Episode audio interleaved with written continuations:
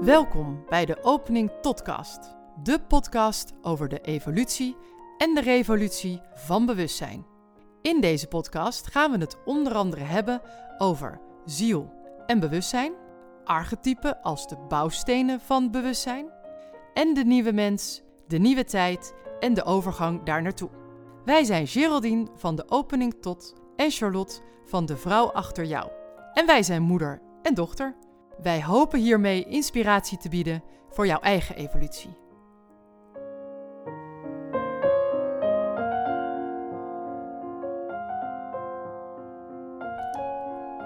Yes. Nou ja, we gaan alweer een volgende as. We zijn alweer bijna door de assen heen. Dat gaat al eigenlijk heel snel. Op deze manier. Ja, eh, met eh, ja, natuurlijk twee. Als je er maar zes hebt. Als je er maar zes hebt, Gaat- inderdaad, dan gaat het heel hard. Ja. En dus we zijn nu aangekomen bij de as 5, 11. En dat is, als ik het goed zeg, Leeuw Waterman. Dat zeg je goed. Yes. Dankzij mijn spiekbriefje.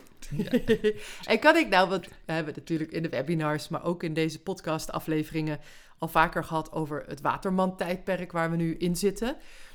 Kan je dan ook het zo zien dat deze as, ehm, waar ook het archetype Waterman in zit, hè, 11, eh, taartpunt 11, dat dat nu nog meer speelt dan de andere assen? Ja, we zeiden bij de vorige assen al van, nou, die- onder andere hè, die gender Ja. ehm, stuk, zeg zoiets, eh, speelt natuurlijk heel erg. Ja. Speelt dit dan nog meer? ja, dit speelt inderdaad nog meer. Want ehm, zoals je dus zegt, we zijn eh, wat wij noemen het Waterman-tijdperk ingegaan. Ja. Tijdperken zijn enorme eh, tijdperken. Die beslaan 2165 jaar. Dat Ja, zijn nogal Heel eh, veel. forse Ja. dingen. ja. Eh, en ieder tijdperk heeft inderdaad een archetypische ehm, boodschap. Ja. Ja. zo moet je het eigenlijk eh, zeggen.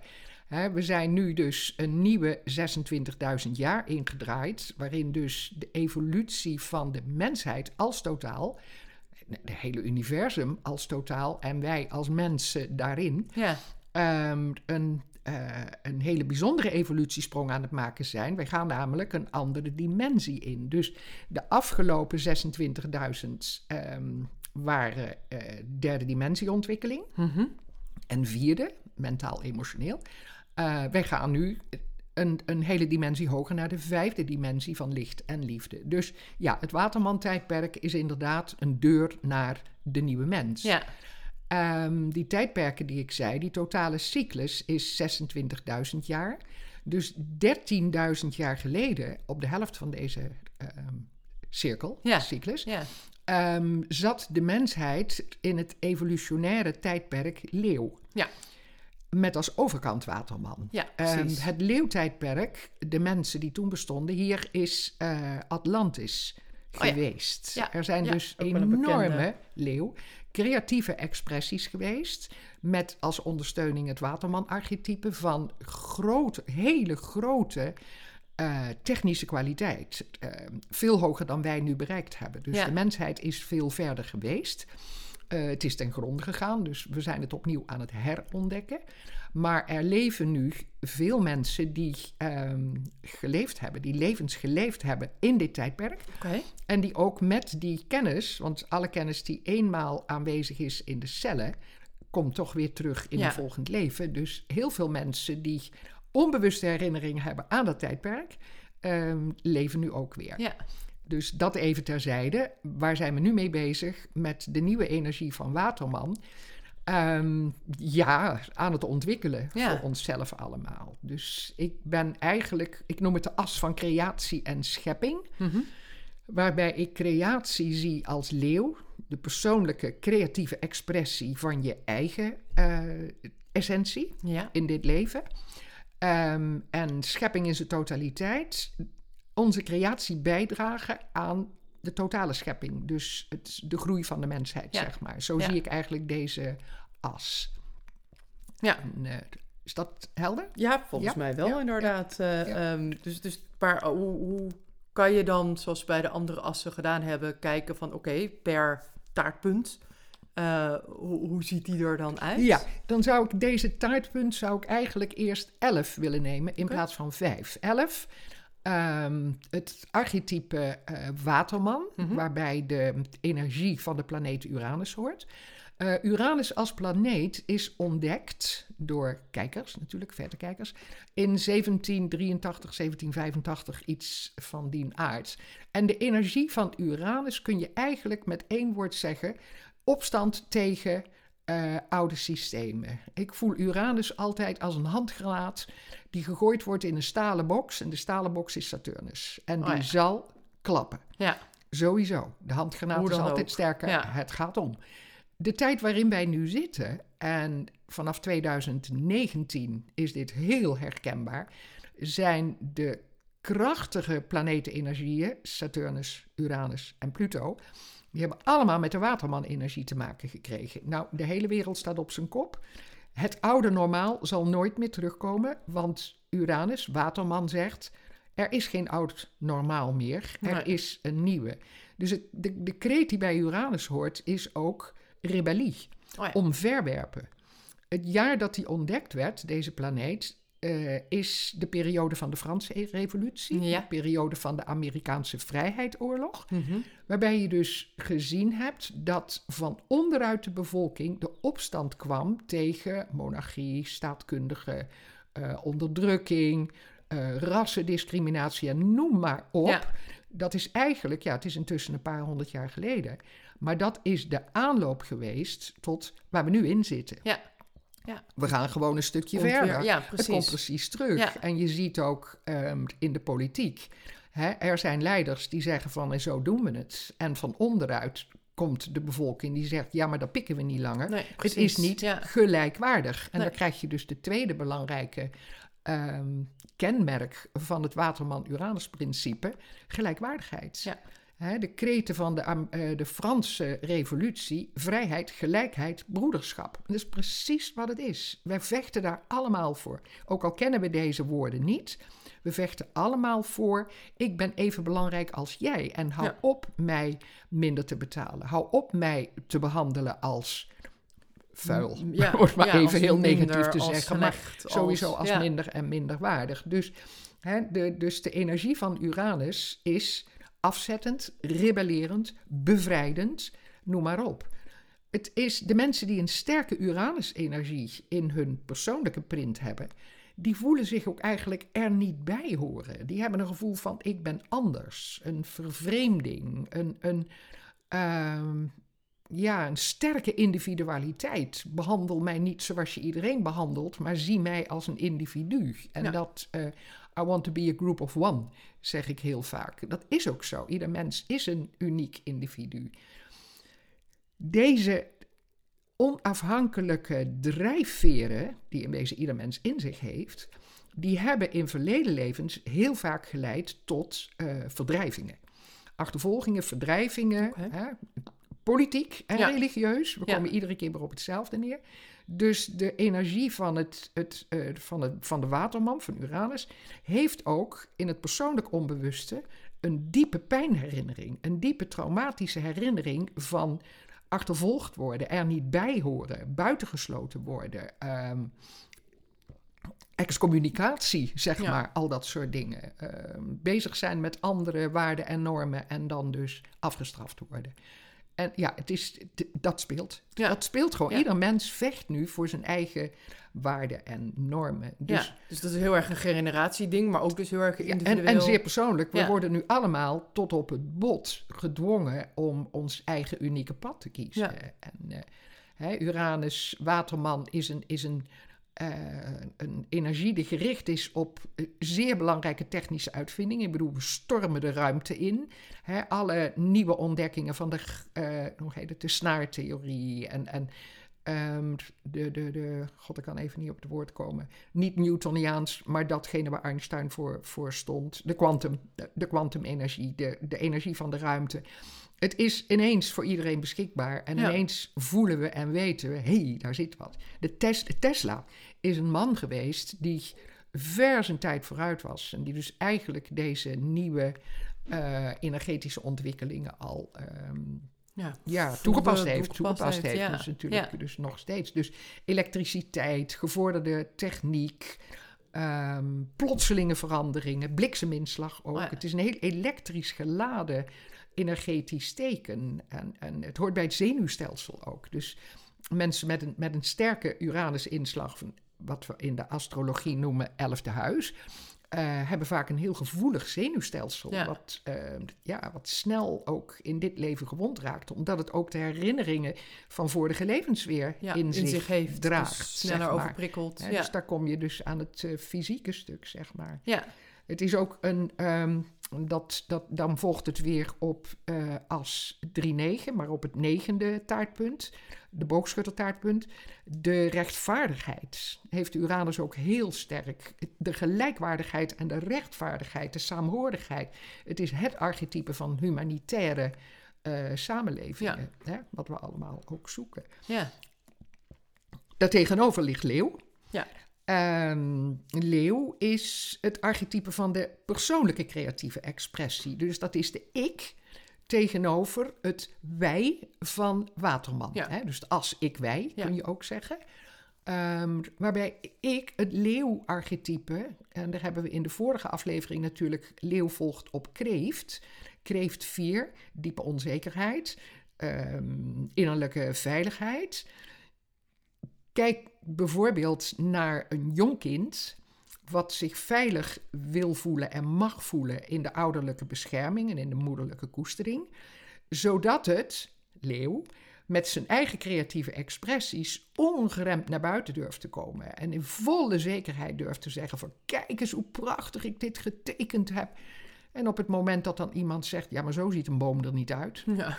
dan klapt als het ware die innerlijke trotse vlam, ja. die klapt Ja, in die, elkaar. ja, die dooft meteen. Die, die dooft meteen. Dus een van de belangrijkste kenmerken van het leeuwarchetype is ehm, behoefte aan validatie, behoefte aan erkenning. Kijk toch eens hoe belangrijk ik ben. Kijk toch eens hoe groot ik ben. Leeuw is het teken van liefde, warmte, hart. Hè, die straalt van binnenuit.